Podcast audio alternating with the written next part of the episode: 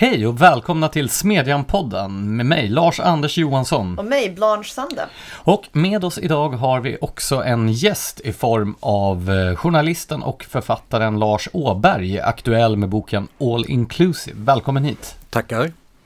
Så, um, vem är du? Jag är um, egentligen en pensionerad journalist.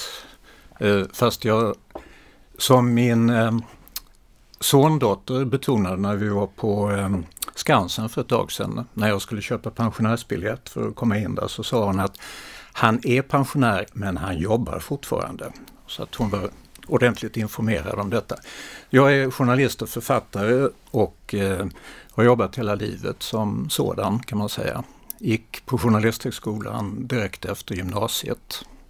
Har inte gjort någonting annat vettigt här i livet. Vad var det som fick dig att bli journalist då? Båda mina föräldrar var journalister och de verkade ha ett ganska bra liv.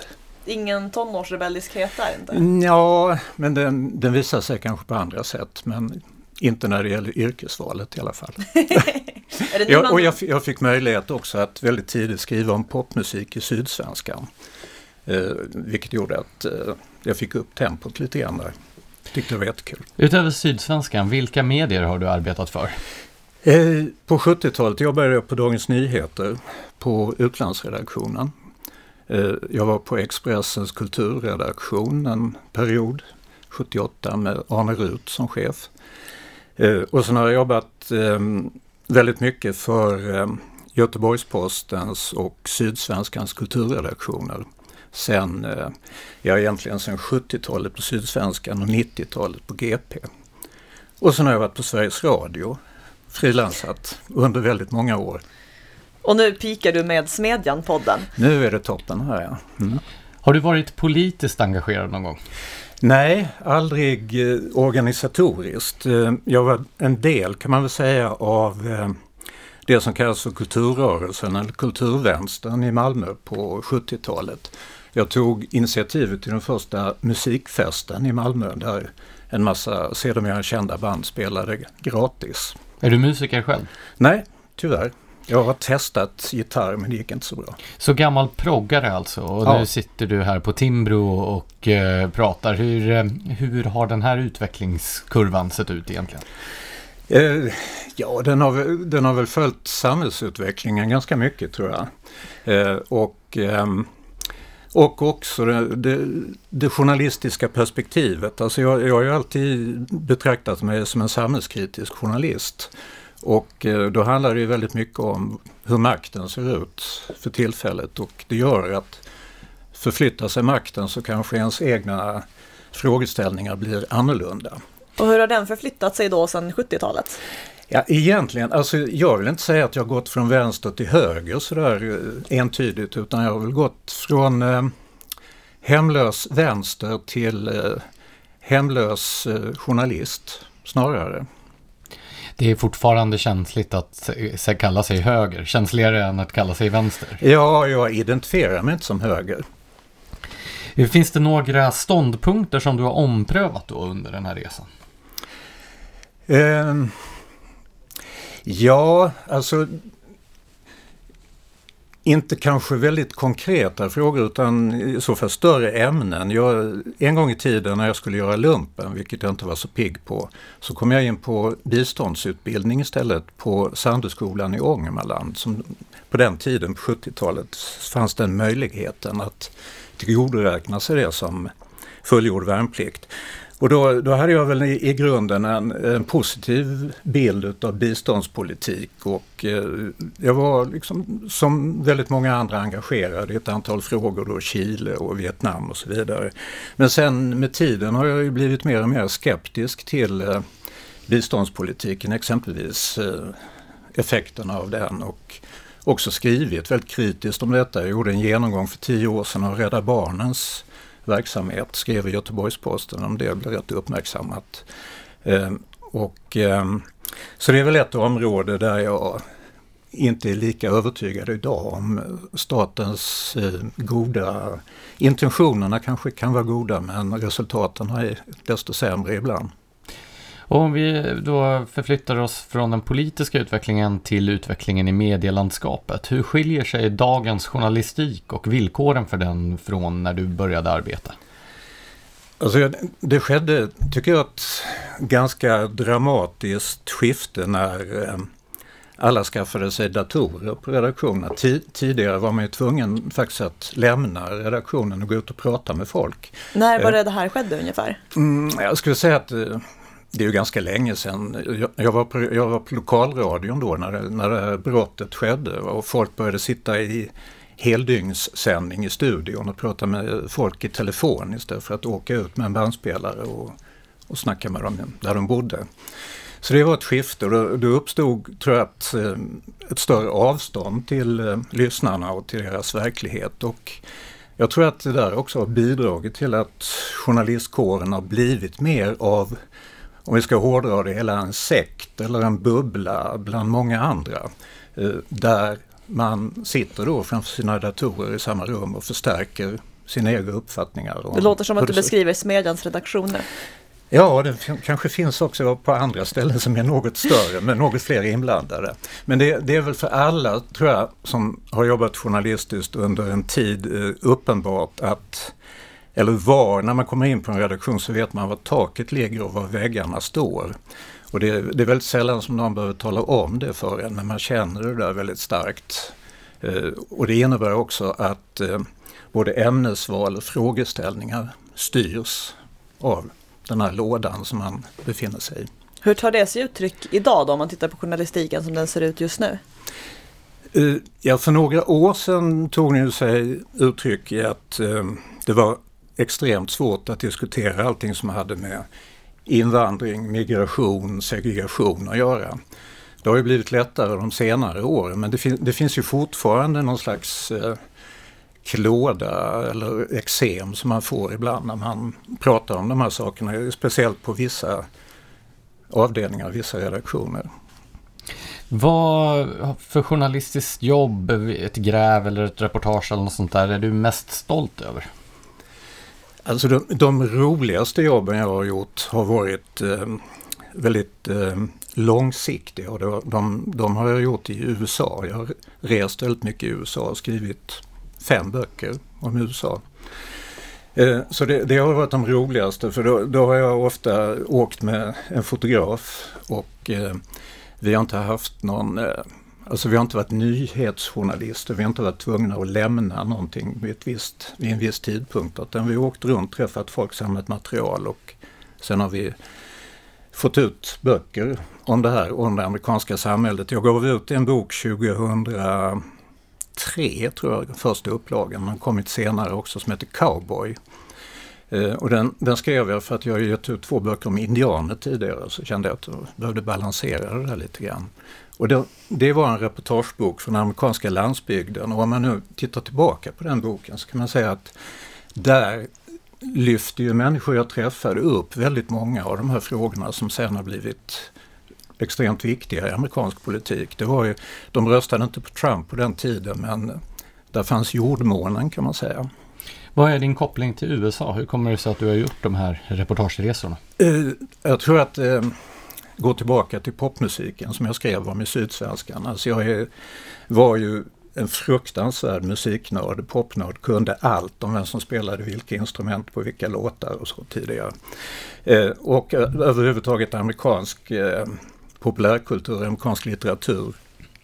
Eh, så att eh, jag, jag åkte med en kompis 74 första gången, gjorde en sån här klassisk on the road resa. Vi köpte en jättegammal bil som gick sönder efter två månader och sen åkte vi fram och tillbaka över kontinenten. Så så började det. Och sen har jag skaffat, eh, fått mycket vänner där. Numera är min syster gift med en amerikan. Hon har bott i USA i många år. Nu bor de i Sverige men så det, det, finns många personliga beröringspunkter och sen tycker jag det är ett spännande land. Politik, kultur, allting. Alltså dina tre senaste böcker har ju, åtminstone tre senaste böcker har handlat om Sverige. Det är ju om jag tänk, räknar rätt, tre stycken du hunnit ge ut under tiden Smedjan har existerat de här tre åren, eller hur? Ja, Innebär det, har, det har varit en, en viss ruljans där. Ja. Precis, ja. är, det, är det för att du helt enkelt har tröttnat på att skriva om USA nu eller är det helt enkelt mer saker som pockar på uppmärksamhet här i Sverige? Alltså, mycket som händer är ju tillfällighet. Jag, jag, skulle gärna åka till USA igen men det är svårare och svårare att finansiera den typen av resor som frilansjournalist. Alltså för, för, när jag gjorde de, många av de här resorna så kunde jag få avsättning både i Sveriges Radio och i, i dagstidningar för reportage som finansierade det som sen blev böcker. Det är nästan omöjligt idag. Men sen var det väl så alltså för 2016 så hörde förlaget Karneval av sig till mig. Och han som håller i den verksamheten, Björn Eklund, han, han hade som alla andra läst i, i tidningarna, det stod väldigt mycket om Malmö. Och att eh, det sköts och det var problem på olika sätt där. Och sen hade han noterat att jag har skrivit mycket om detta genom åren det var inget nytt ämne för mig. Utan då tyckte han, eh, borde inte någon skriva en bok, samla de här erfarenheterna och det var så den kom till stånd. Så det var inte mitt initiativ från början. Så kom den boken i januari 2017. Och sen har det rullat på och sen så blev, kändes det naturligt att göra en uppföljare som handlade mer om Sverige, landet där vad som helst kan hända. Och sen eh, alla goda ting i tre, så fick det bli en trilogi då med All Inclusive. Det har ju alla väldigt positiva och trevliga namn. Så här, all inclusive och vad som helst kan hända. Och omslaget i den är ju också en så här scen med en ridå och sånt. Eh, det här positiva anslaget kanske kan lura läsarna lite eller? För det är ju ganska, ja, inte så glada ämnen du behandlar. Nej, så, och det finns naturligtvis en tanke med det men eh, alltså jag, jag, vill ju inte heller att böckerna ska vara alltför depressiva. Den här boken om Malmö, Framtidsstaden, lyfter ju också fram den sidan av Malmös förvandling som är positiv. Det finns ju två parallella utvecklingslinjer kan man säga. Det är dels den som sker eh, i strandkanten i västra Malmö med bron till Köpenhamn och alla de här sakerna som har lyfts fram och nya IT-företag och så vidare. Men så finns det här stillaståendet i östra delen av Malmö med en permanentad hög arbetslöshet, ett högt bidragsberoende där det egentligen inte händer någonting. Och där eh, väldigt många barn lämnar skolan med betyg som är fullständigt oanvändbara. Vi tänkte att vi ska fördjupa oss lite mer i Malmö och den problematiken om en stund. Men att vi eh, börjar med att diskutera då din senaste bok All Inclusive som tar ett större grepp om framförallt migrations och integrationsfrågorna. Eh, så eh, om vi börjar med den grundläggande frågan. Du har ju delvis besvarat den här med att beskriva trilogin här. Men varför skrev du den här boken? Det var nog så att jag trots allt kände att de båda första böckerna var eh, mer deskriptiva. De beskrev eh, en problembild, hur, hur det såg ut i Sverige. Och så tänkte jag att, och så ständigt när man pratar om de här, både böckerna och de här eh, sakerna som diskuteras i böckerna så, så frågar folk till slut, ja men vad tänker du göra åt saken då? Eller vad vill du göra? Och då brukar jag svara att ja, jag är inte politiker, jag är journalist, så jag, jag bara beskriver. Det är ganska bekvämt att luta sig tillbaka på det sättet. Men så tänkte jag att man kanske ändå skulle fundera lite grann på i, i vilken riktning man vill. Och eh, så kom jag på det här som jag inte vet om det, hur genomtänkt det är, men jag tyckte det lät ganska smart att eh, bygga vidare på eh, det första miljonprogrammet som var ju då när vi byggde en miljon bostäder, 65 till 75 ungefär.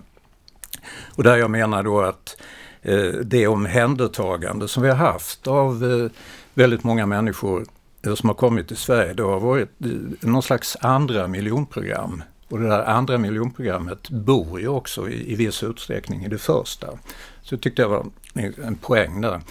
Men eh, så vill jag inte stanna där utan det vill jag föreslå ett tredje miljonprogram. För att vi, vi hade då ett väldigt välplanerat första program, ett fullständigt oplanerat eh, andra program som sker på löpande räkning kan man säga.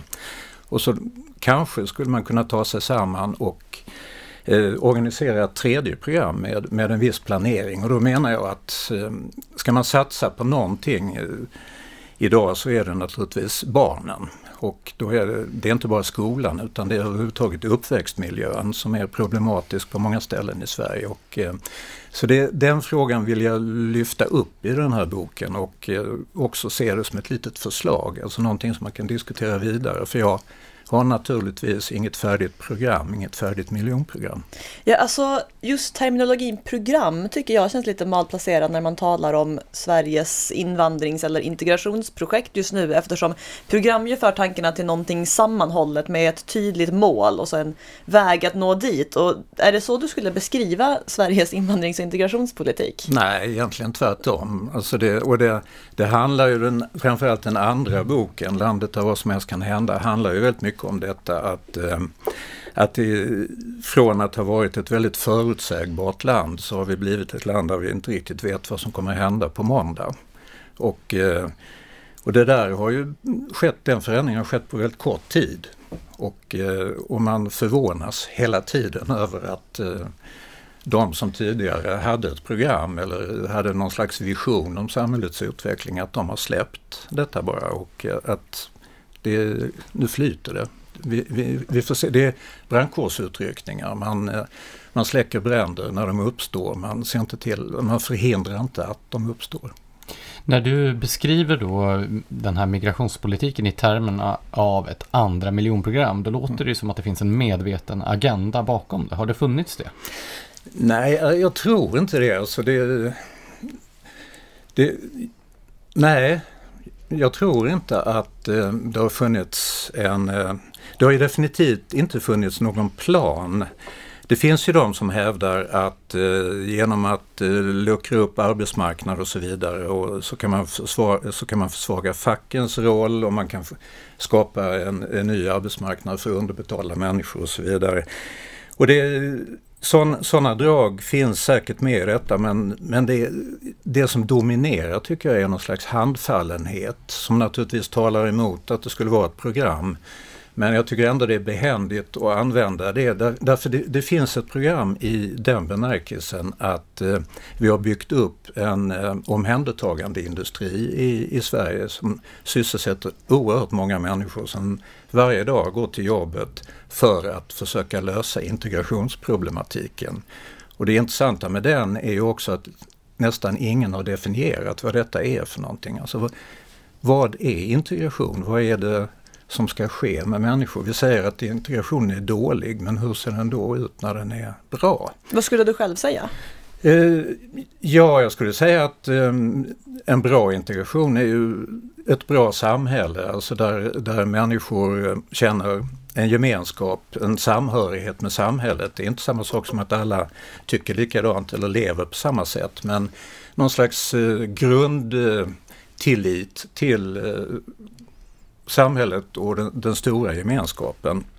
Och den, det är ju detta, inte minst, som har luckrats upp genom att vi har haft en eh, oaktsam migrationspolitik där vi inte riktigt, eller inte riktigt, vi har inte alls eh, analyserat i förväg vad konsekvenserna blir.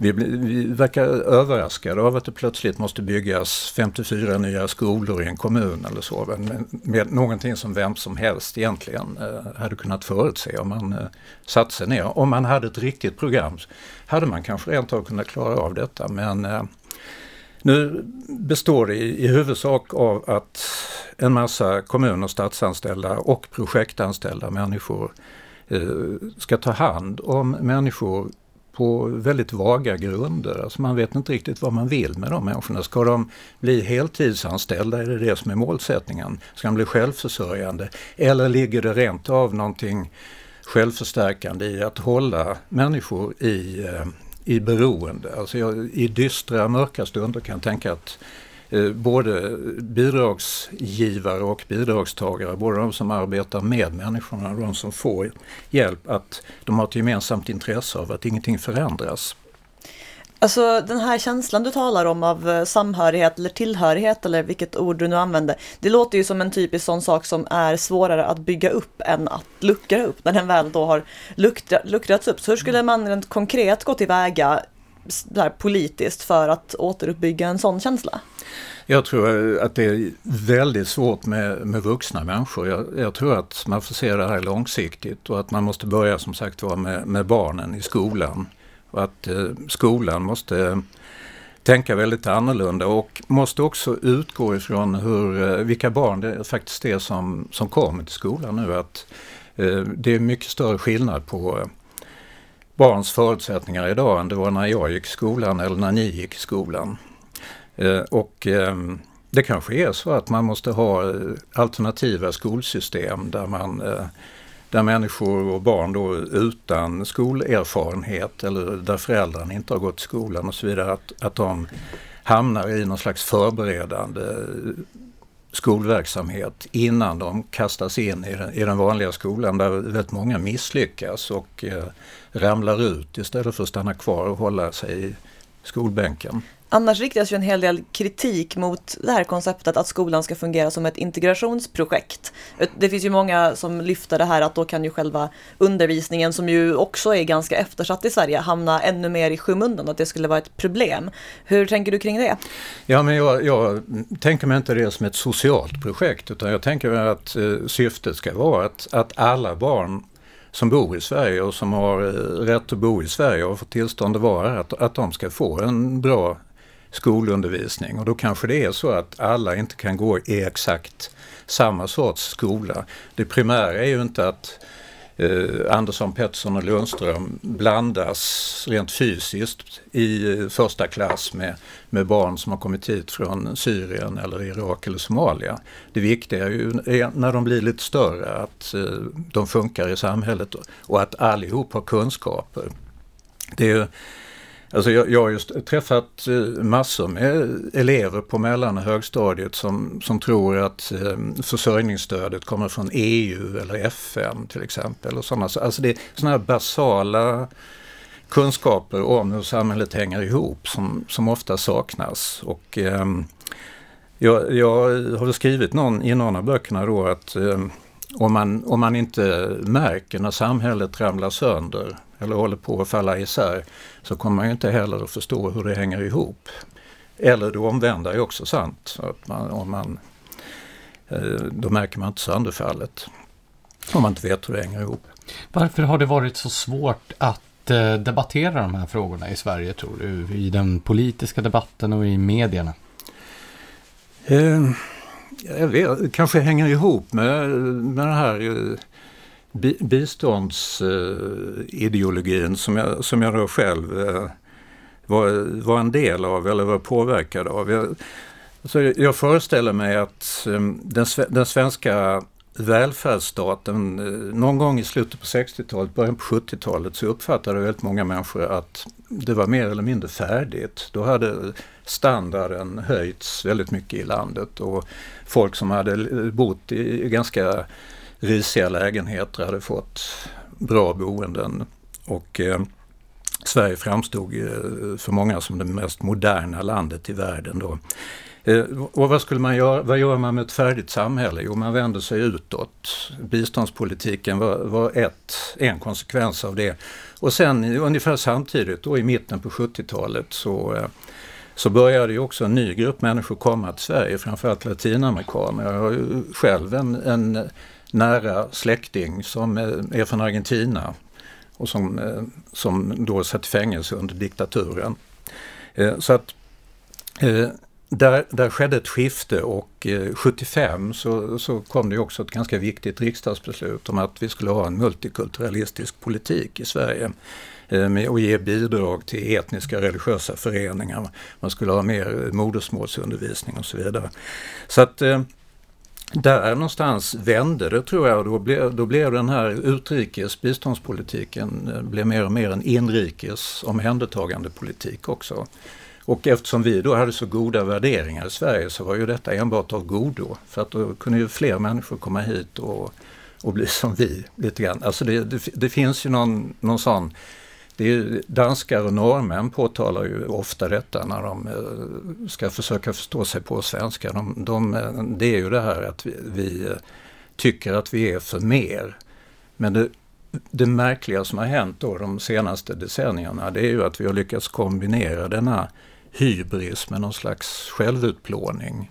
Där vi, eh, å ena sidan så är vi ju övertygade om att vi är klokast, men å andra sidan har vi inte någonting att erbjuda de som kommer hit. Utan där är vi väldigt timida och eh, eh, har varit eh, i mitt tycke alldeles för toleranta mot till exempel hederskultur eller den typen av eh, attityder och värderingar som har flyttat in i, i svenska samhället. Den här eh, invandrarpolitiken då som kom 1975, om jag har förstått saken rätt så syftade ju den, alltså hemspråksundervisning och detta med att man skulle ge bidrag till föreningar där man kunde odla sin kulturella särart. Den syftade till att när de här invandrargrupperna återvände till sina ursprungsländer skulle de inte vara avklippta från sin egen kultur. När övergick det här till att man tänkte sig att dessa människor som fick betalt för att odla sin särart samtidigt skulle vara kvar i Sverige för alltid. När slutade man släppa den här tanken på återvändande i invandrarpolitiken? Jag tror det upphörde ganska snabbt faktiskt när man såg att eh, chilenare och andra stannade kvar i Sverige och, och rotade sig här på olika sätt. Och sen eh, kring 1980 hade vi ju en ganska stor invandring från Libanon bland annat. Och det var ju en ny grupp som kom till Sverige som eh, där man inte heller riktigt kunde se, eh, eftersom det var kaotiskt i Libanon, så kunde man inte riktigt se att de skulle åka tillbaka inom någon snar framtid. Så jag, det där var ju en, en väldigt eh, teoretisk konstruktion, den här 1975 års politik. Och den, den utgick också ifrån eh, väldigt eh, lustiga föreställningar tycker jag om eh, att kulturen eh, var så väsensskild och dessutom eh, var så hotad. Alltså andra människor från andra länder, att deras kultur var så hotad när de kom hit så att de måste få stöd. Jag, jag var, kommer ihåg från den tiden, jag hade många vänner från Chile i Malmö på 70-talet. En del som jag fortfarande umgås med. Eh, och eh, de, då fick man stöd just till kulturföreningar för, för, att hålla liv i traditionella danser till exempel. Och eh, det, var, det var mycket skratt kring detta när man hade dansuppvisningar och eh, en del chilenare påtalade att eh, det där är någonting de har hittat på här för att eh, det, det, är, det är så svenskarna tror att man dansar i Chile. Det här är ingen traditionell dans utan det, det ser bra ut på bild. Så det, det, var ju bara liksom en liten detalj men vi, vi, vi gjorde oss ju i det här landet en massa föreställningar om, om kultur som var rätt besynnerliga och som på många sätt egentligen, tycker jag, gränsade till rasism. Alltså man, eh, det, det, var ju också ett sätt att eh, separera människor från det svenska samhället, säga att ni är annorlunda. Vi har ett vi och ett dom här och vi tycker att ni ska behålla i alla fall en del av dem och då får ni lite pengar härifrån oss. Men hur går det här ihop idag då? Vi betalar ju fortfarande bidrag till föreningar vars syfte är att odla då ett avståndstagande från majoritetskulturen och samtidigt så pratar man om att det är så svårt med integrationen. Det, det tycks finnas någon slags glapp här mellan de här två sakerna. Ja, det, det går inte ihop. Och det, och det har ju aldrig gått ihop. Och det, det är ju en av de här inbyggda konflikterna eh, hybrisen och självutplåningen. Och att eh, vi, eh, nej, vi har, inte, vi har eh, som, som samhälle och, och som institutioner här har vi ju inte lyckats eh, få, få ihop det där till en helhet. Och eh, jag tror också att väldigt många människor som har kommit hit står eh, vilsna inför de här dubbla budskapen. Vad borde man göra då? Man borde väl, eh, alltså man, framförallt så borde man inte ge bid, alltså bidrag till eh, den typen av föreningar som eh, i, i värsta fall bjuder hit talare som vill kasta homosexuella från hustaken eller tycker att kvinnor och män ska sitta på olika, i olika delar av salen. Det borde man ju omedelbart sätta stopp för. Jag tycker religiösa friskolor är också en, en plats där man odlar separatism och där man odlar eh, värderingar, framförallt synen på pojkar och flickor som, eh, som jag finner eh, ganska motbjudande. Så att eh, det borde man ju vara tydligare med. Men sen, sen borde man ju också, alltså man borde kanske ha lite mer eh, hybris ändå när det gäller eh, hur det här samhället fungerar. Därför att Sverige, jämfört med många andra länder, så har ju Sverige ansenliga fördelar och det finns ju skäl till att människor söker sig just till Sverige. Och eh, då tycker jag att man inte ska skämmas för de skälen utan istället lyfta fram dem och eh, tycka att det är bra om, folk i, i ganska stor grad anpassar sig till det. Religion och framförallt då islam har ju fått en mer framträdande roll i debatter kring integration, assimilering och så vidare. Du skriver i All Inclusive bland annat om en somalisk kulturförening i Malmö där flickorna för, ja jag vet inte hur många år sedan, men längre tillbaka. Tio, kanske. tio år sedan mm. inte hade huvudduk och nu har nästan alla huvudduk. Mm. Vad beror den här förändringen på? Eh, att separatismen har förstärkts och det, det, finns säkert många olika anledningar till det. Och det, det, är inte så lätt att förklara det för att om man, om man ser på den här föreningen som, som har kontakt med många ungdomar Eh, så kan man nog säga att det är fler flickor som eh, utbildar sig än pojkar. Alltså att det, på det sättet går det bättre för flickorna. Det är fler killar som ramlar ur systemet, som slutar skolan i förtid och som håller på med sånt de inte borde hålla på med på kvällar och nätter. Eh, men tjejerna, för dem har det ju blivit en identitetsmarkör som också markerar ett, ett avståndstagande från samhället som de, som de eller deras föräldrar inte tyckte var nödvändigt kanske för tio år sedan. Och det är en eh, väldigt ledsam utveckling men jag, jag kan inte förklara det enkelt men eh, mer än att det är både en, en yttre markör och förmodligen en inre känsla av att man eh, lever i, en, i ett litet parallellsamhälle.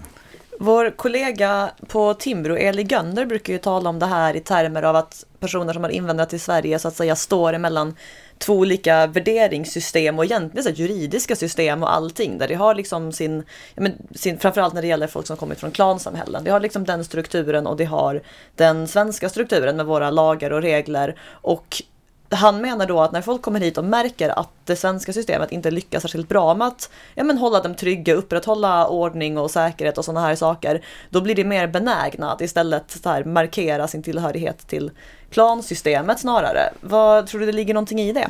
Ja, det gör det ju säkert. Eh, därför att eh, Alltså det här med, trygghet och tillit är ju viktigt för alla. Och eh, och man, man söker väl den där man tror att man kan få den. Jag, jag skrev i, i det landet där vad som helst kan hända, skrev jag om Borlänge, som är, där det finns en stadsdel som heter Kärna Ängar, där det nästan bara bor somaliska invandrare. Och det, det är också eh, bestickande för att det var ju ett sånt här 70-tals miljonprogramsområde som eh, Eh, där det var tomma lägenheter, det var kommunala fastigheter och, eh, och sen så kom då som någon slags eh, gudasänd grupp somalierna till Borlänge och då kunde man fylla lägenheterna med dem. Men det, den ligger ju för sig själv i utkanten av denna relativt lilla stad.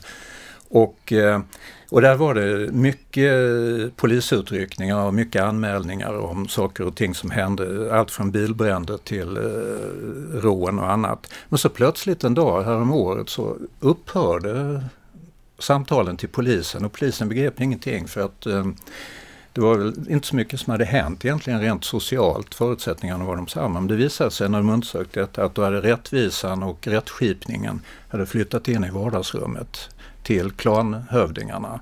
Så att man, hade, man ringde inte till det svenska samhället längre utan man löste det själv.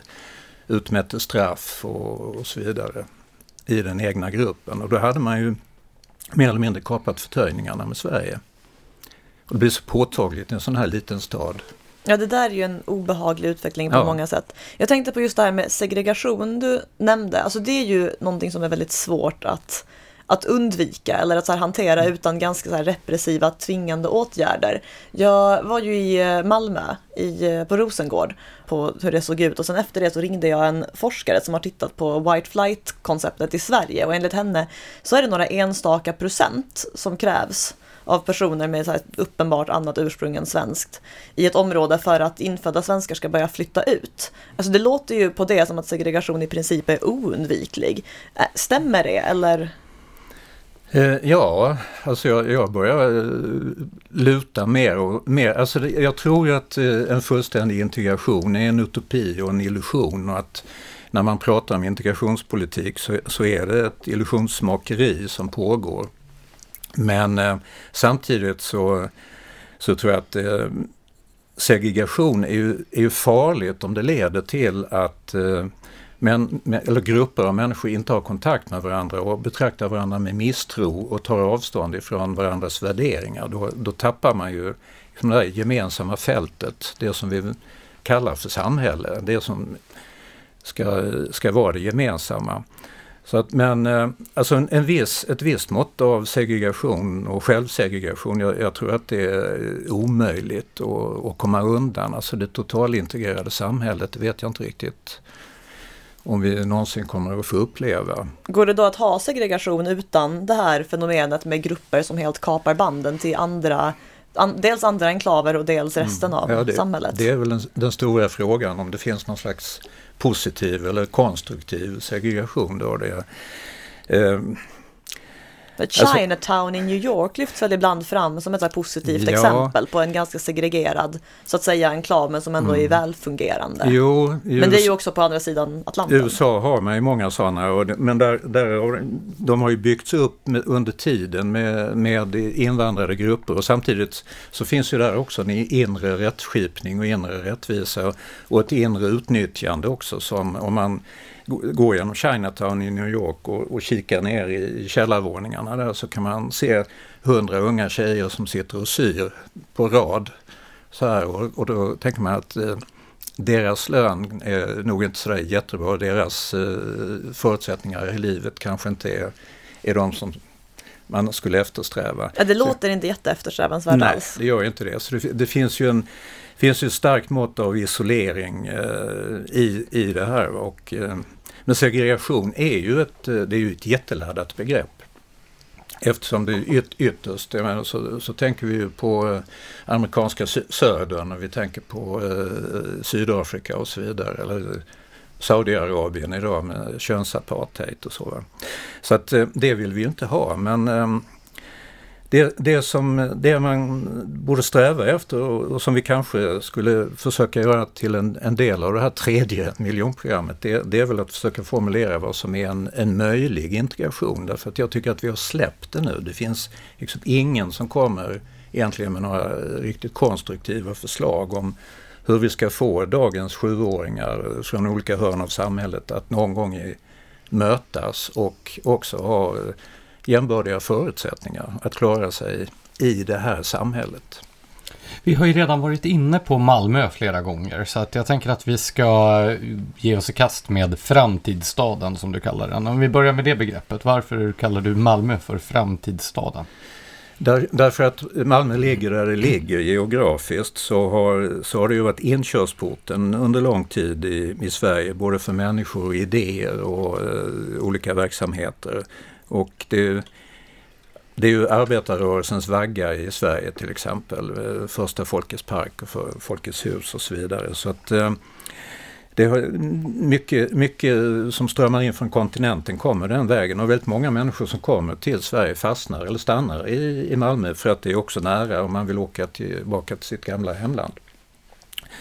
Eh, och eh, sen har det ju funnits eh, många utopiska idéer om, om Örestad och att knyta ihop eh, östra Danmark och västra Skåne.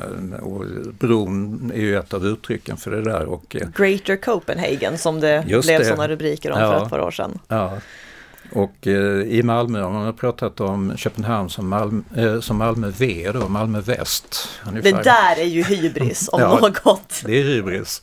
Men det är många utopier är fyllda med hybris. Så att, eh, och det där bron var väl en hundra år gammal dröm när den förverkligas till slut. Den hade, man hade ritat på den ganska länge på olika ställen.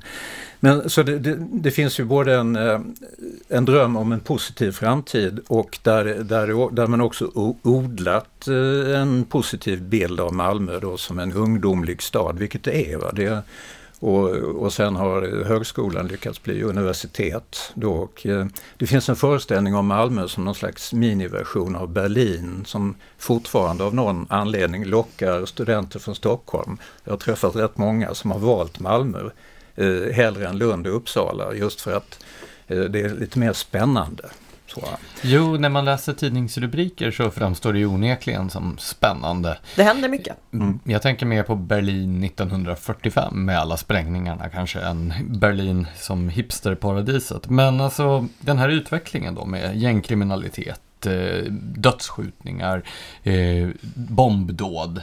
Jag föredrar egentligen begreppet bombdåd framför sprängningar. Mm. Sprängningar, det är ju någonting man gör organiserat när man bygger en väg. Eller Mm. Ja men järnvägstunnel är vad jag tänker på Ja. varje gång jag läser det. Precis, men eh, det är ju en, den utvecklingen som du tangerar också, det är ju inte ett så muntert framtidsscenario som skymtar fram både i din bok och i de artiklar du har skrivit om Malmö i Smedjan till exempel. Så um, varför har just Malmö utvecklats på det här sättet? Jag, jag tror att det delvis hänger ihop med det här geografiska läget och det, fin, det finns ju en historia. Alltså på, på 70-talet eh, så talade man i Malmö om eh, juggemaffian. Och det är ett begrepp som man knappt skulle våga använda idag men, men, men det var så etablerat så att det, det använde socialarbetare och polis och journalister. Och då visste man att det var ju eh, ett gäng hårdföra killar som hade flyttat framförallt från den serbiska delen av gamla Jugoslavien till Malmö och som eh, bedrev eh, en kriminell verksamhet som även omfattade skjutningar, inte lika mycket som idag men alltså det var, det var hårdföra grabbar. Eh, och ur detta har ju senare utvecklats olika falanger. Man har talat om M-falangen och K-falangen som liksom representerar olika grupperingar från Balkan. Som har eh, eh, dominerat eh, narkotikahandel och, eh, och där åtskilliga av de här eh, grabbarna sitter ju inne nu eh, på livstid eller lång, med långa straff. Eh, och sen, men sen har det har det varit ett inflöde av, eh, av eh, grupperingar. Och det, man kan väl säga att egentligen tror jag att det är så här att det har flyttat in eh, kriminella gäng eller kriminella eh, familjer till Malmö därför att eh, Sverige har haft en tolerant politik gentemot de här personerna. De har kunnat bosätta sig i Rosengård bland annat vid den tiden när det fanns tomma lägenheter där. Eh, och eh, sen de, de här yngre grabbarna idag som antingen blir skjutna eller skjuter själva, de är ju ofta uppväxta i de här familjerna. Så man, man kan se, eh, jag känner ju folk som jobbar med killar som har straffat ut sig ur skolan fullständigt, som man inte kan ha i möblerade rum. Och de, nästan alla de här grabbarna kommer ju från familjer där fäder, bröder, morbröder, farbröder sitter i finkan. Så att man, det är, inte, det är inte så att man eh, växer upp i någon slags allmän fattigdom och, eh, och därför måste sno en jacka av eh, någon annan som man ser på stan. Utan det här är ju ett, mer eller mindre ett inlärt beteende eller det som Gustav Skå Jonsson på sin tid kallade det sociala arvet.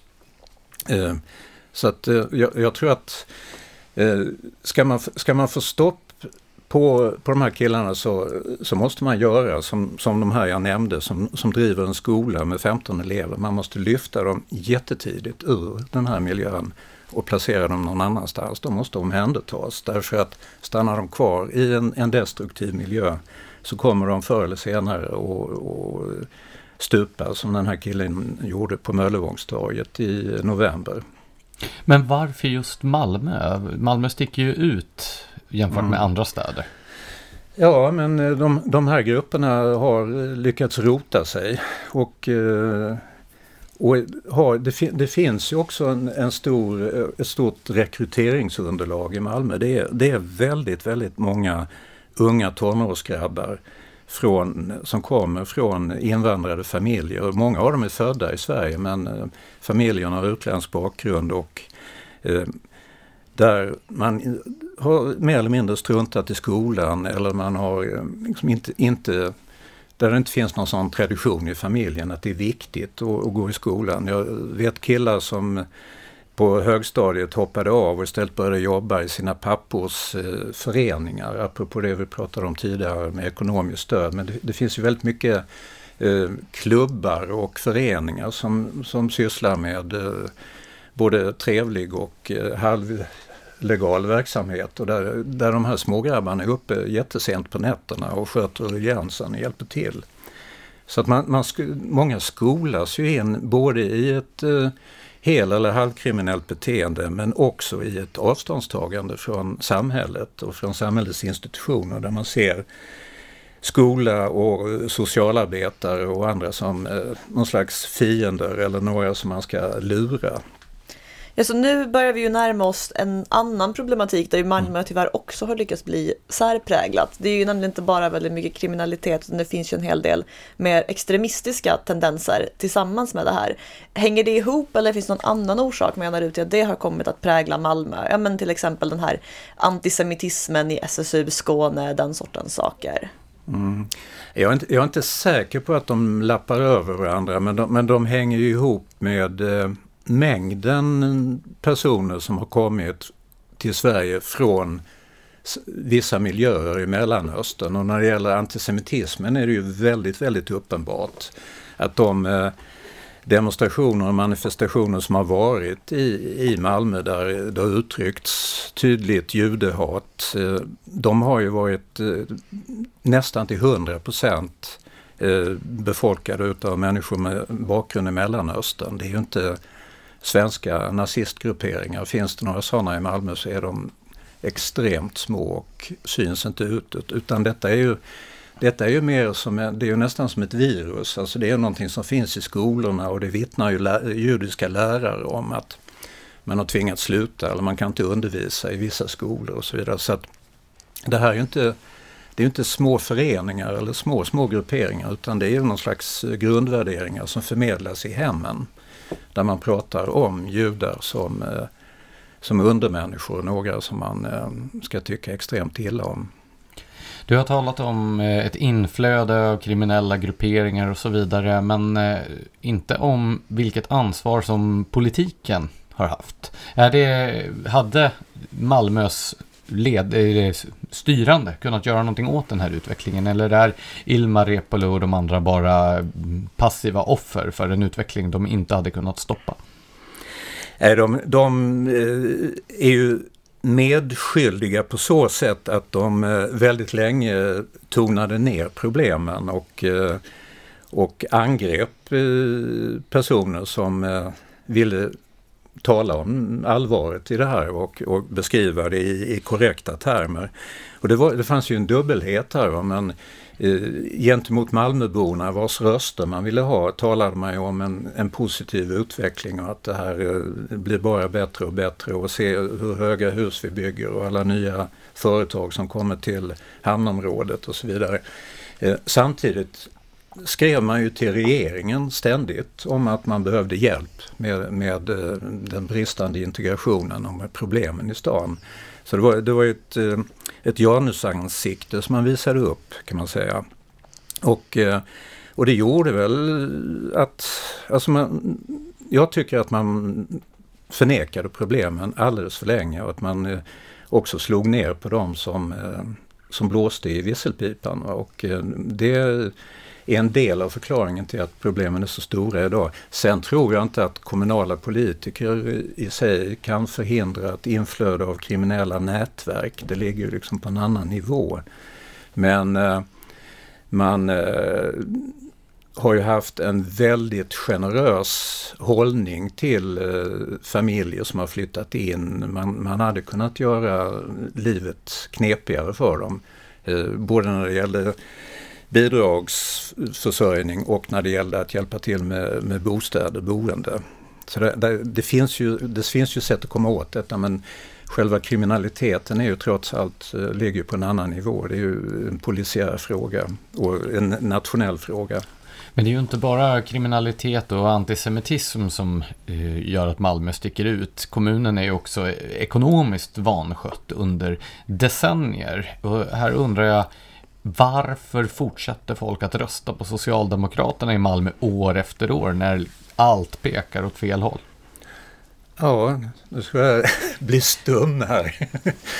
Nej, det, det, är väldigt märkligt. Man kan väl säga att en förklaring är att oppositionen i Malmö har varit extremt svag i decennier. Man har väl inte riktigt uppfattat att det har funnits ett alternativ Eh, det var ju tre år i början på 90-talet så, så satt det en, eh, ett borgerligt styre i stan men det var ju inte sådär jättestor skillnad. Det var en kort period också. Det märktes mest i kulturpolitiken kan man säga. Eh, men det, det, har varit, det har varit en väldigt lam politisk debatt i Malmö under alla, alla år. Det, det har jag varit jätteförvånad över. att dessa förhållanden då, som ändå folk ser i sitt dagliga liv, att det inte har lett till mer eh, upprörda stämningar och känslor att, och att det inte heller har kanaliserats politiskt. Eh, så att ehm, det, på något märkligt sätt så är Malmö stad utan ehm, kommunal debatt. Vilken roll har det kommunala utjämningssystemet spelat för att Socialdemokraterna i Malmö har kunnat sitta kvar? Jag tänker, nu kan man ju faktiskt vansköta en kommunal ekonomi och ändå då låta då mer välskötta kommuners skattebetalare betala in mellanskillnaden. Mm. Om skattebetalarna i Malmö hade stått, fått stå för den verkliga notan? Hade man sett ett annat styre då? Antagligen och fler hade ju säkert flyttat också från stan. Det finns ju en, en andra flyttvåg idag från Malmö. Till, till Staffanstorp? Till Staffanstorp och andra kranskommuner och det, det gäller också eh, lärare och andra som eh, kanske får 5 000 mer i månadslön om de flyttar till Vellinge och dessutom får en hanterbar klass istället för ett eh, kaotiskt eh, vardagsliv. Eh, på 70-talet flyttade barnfamiljer från Malmö för att det var en, en stad på dekis. Alla industrierna klappade igen och så vidare. Och nu är det något, inte, inte i samma skala, men eh, ändå ganska många som flyttar när barnen ska börja skolan kan man säga. Händer någonting. Eh, men så är det ju det här, det här med, med, det kommunala utjämningsstödet har ju hållit eh, kommunen under armarna. Och det, man har ju någon slags dubbel italiensk bokföring i Malmö också som jag, jag är för dålig ekonom för att kunna begripa det här. Men å ena sidan så får man ju 5 miljarder ungefär om året vilket är då eh, i runda slängar en fjärdedel av budgeten får man det här bidraget från andra kommuner. Samtidigt redovisar man varje år en, en ganska stor, ett stort överskott i den kommunala verksamheten. Alltså, och prognoserna pekar hela tiden uppåt. I, jag tror i år handlar det om 600-700 miljoner plus i den kommunala verksamheten. Det är säkert eh, inte så att man kan ta ihop allt detta i en enda pott. För att det, det är väl lite äpplen och päron, men det är ju ändå en, en märklig historia att man inför sina väljare hela tiden kan redovisa god ekonomi och samtidigt vet alla att ekonomin är väldigt risig. Det låter onekligen märkligt, men vad jag tänker på när vi diskuterar problembeskrivningen i Malmö det är ju att det kommunala utjämningssystemet beslutar det beslutar man ju om i regering och riksdag. Och eh, alltså även andra saker som så här, vilken typ av uppgifter kommunen behöver ta på sig. Alla den sortens saker bestäms ju någon annanstans än i Malmö och då undrar man ju så här, skulle det göra någon skillnad om man fick ett annat styre i Malmö? Skulle det på allvar kunna påverka situationen där överhuvudtaget? Jag tror inte att det skulle innebära sådär jättestor skillnad. Eh, jag tror att man, eh, man kanske skulle se över på marginalen vissa system och eh, Fixa med kulturpolitiken lite? Ja, lite sånt. Eh, och, och, kanske lite grann när det gäller eh, bidrag på, just på marginalen. Men alltså de, de stora de stora förändringarna har ju på något sätt redan skett i Malmö. Malmö är ju en, eh, en annan stad idag än, än det var för, låt säga 50 år sedan. genom att en stor Eh, Eh, det är faktiskt en stor majoritet idag av barnen i skolan som har utländsk bakgrund och bara en sån sak, det, det, det behöver, alltså i ett friskt samhälle som fungerar bra så är inte det ett problem. Invandring i sig är ju inte ett problem utan det handlar om hur man sköter det hela och eh, om man har en plan eller om man liksom släpper, låter allting bero.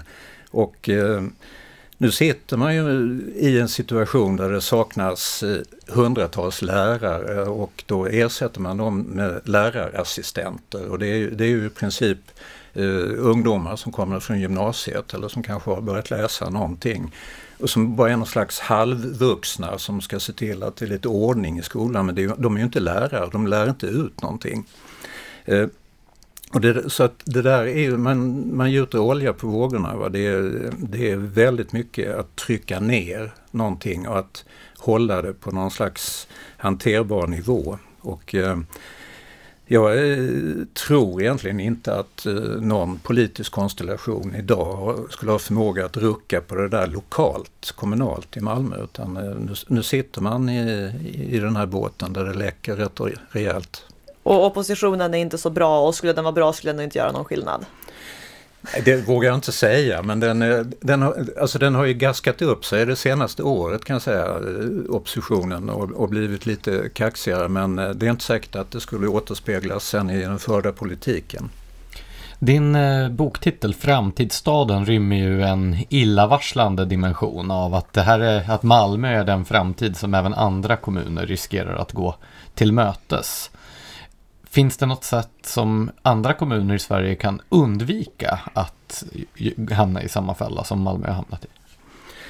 Jag vet inte om, om det går på lokal nivå eller om, om eh, det egentligen är så att eh, man måste ta ett nationellt grepp kring eh, Alltså i botten på allt detta ligger ju migrationspolitiken och det är många som har föreslagit att, att man ska liksom nöja sig med eh, kvot och konventionsflyktingar till exempel tills, tills man har fått i bästa fall grepp om situationen. Och, eh, och det kanske är där man måste hamna, att man, eh, att man begränsar, alltså en, Hittills i år så är det ju 100 000 människor som har fått uppehållstillstånd i Sverige från under